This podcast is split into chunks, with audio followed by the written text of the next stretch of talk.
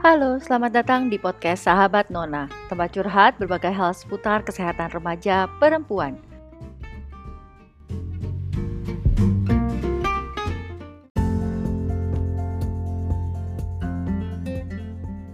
Halo sahabat Nona, episode keempat ini saya beri judul Otakku untuk Masa Depanku. Setelah dua episode saya membahas mengenai perubahan fisik, psikologis, dan sosial pada masa pubertas, ada loh perkembangan yang tidak kalah pentingnya, yaitu perkembangan otak. Di episode kedua, saya membahas mengenai perubahan fisik apa saja yang terjadi selama pubertas. Bahwa perubahan fisik itu akan terjadi secara berurutan, tetapi dengan waktu yang berbeda-beda antara satu orang dengan orang lainnya. Kemudian di episode ketiga saya membahas mengenai perubahan psikologis dan sosial yang dibagi menjadi masa remaja awal, tengah, dan akhir. Nah, walaupun ketiga episode ini nyambung satu sama lain, tetapi nggak harus urutan dengerinnya. Jadi kalau sahabat Nona belum sempat mendengarkan episode sebelumnya, boleh dicari setelah ini. Masa remaja terkenal khas dengan perilaku yang aneh-aneh dan jelas-jelas beresiko. Sehingga membuat orang heran, kenapa ya? Kenapa remaja itu rentan memiliki perilaku yang beresiko? Ternyata penjelasannya berhubungan dengan bagaimana perkembangan otak di masa remaja. Terdapat dua proses penting dalam perkembangan otak di masa remaja yang mempengaruhi perubahan psikologis dan sosialnya, yaitu proses peningkatan efisiensi dan efektivitas kerja otak dan perbedaan perjalanan proses pematangan pusat emosi dan korteks prefrontal. Wah, kedengarannya rumit ya. Sebetulnya enggak sih. Jadi prosesnya tadi ada dua yang pertama adalah peningkatan efisiensi dan efektivitas kerja otak. Pada usia 11 tahun, otak akan mulai mengalami pengurangan volume atau mengecil. Tetapi kemudian terjadi penguatan sinyal-sinyal sel saraf agar otak bekerja lebih efisien dan efektif. Nah, di masa ini, otak yang dilatih dan dipakai dengan baik akan bekerja lebih baik sehingga Remaja memerlukan stimulasi atau rangsang perkembangan berupa beragam aktivitas dan relasi dengan orang lain. Contohnya adalah kegiatan ekstrakurikuler.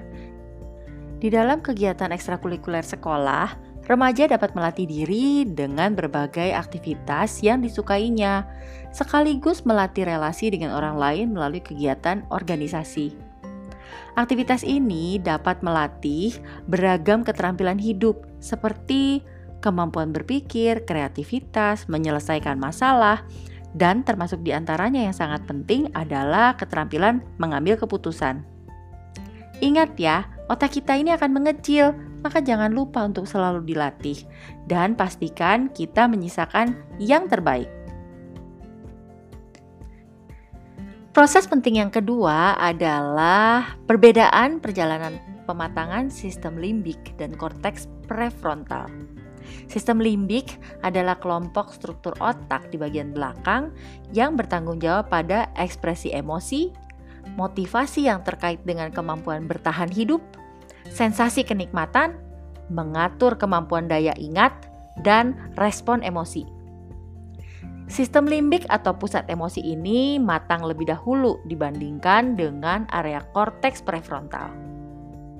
Korteks prefrontal adalah struktur otak di bagian depan yang memiliki kapasitas untuk melakukan kemampuan berpikir yang lebih tinggi, seperti membuat pertimbangan rasional, melakukan analisis masalah, berpikir abstrak, dan mengatur perilaku dalam situasi sosial.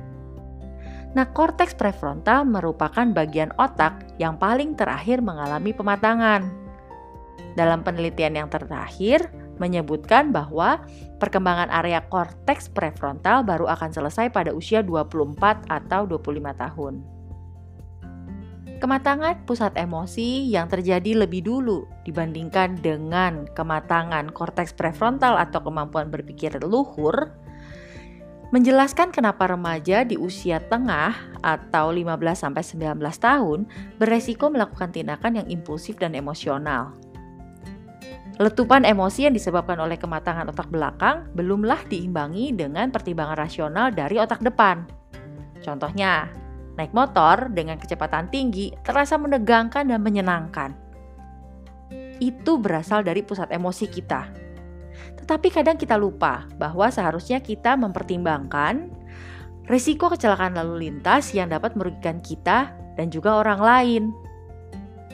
Nah, gimana sahabat Nona? Sudah lebih paham belum tentang perkembangan otak? Mudah-mudahan nggak bingung ya. Jadi di masa remaja kita memang rentan terhadap perilaku yang berisiko. Tetapi dengan mengenal otak kita, maka kita dapat mulai memperhatikan hal-hal yang dapat dilakukan dalam mempersiapkan diri untuk tumbuh dan berkembang secara sehat dan optimal, supaya kita bisa memaksimalkan fungsi otak kita untuk masa depan kita.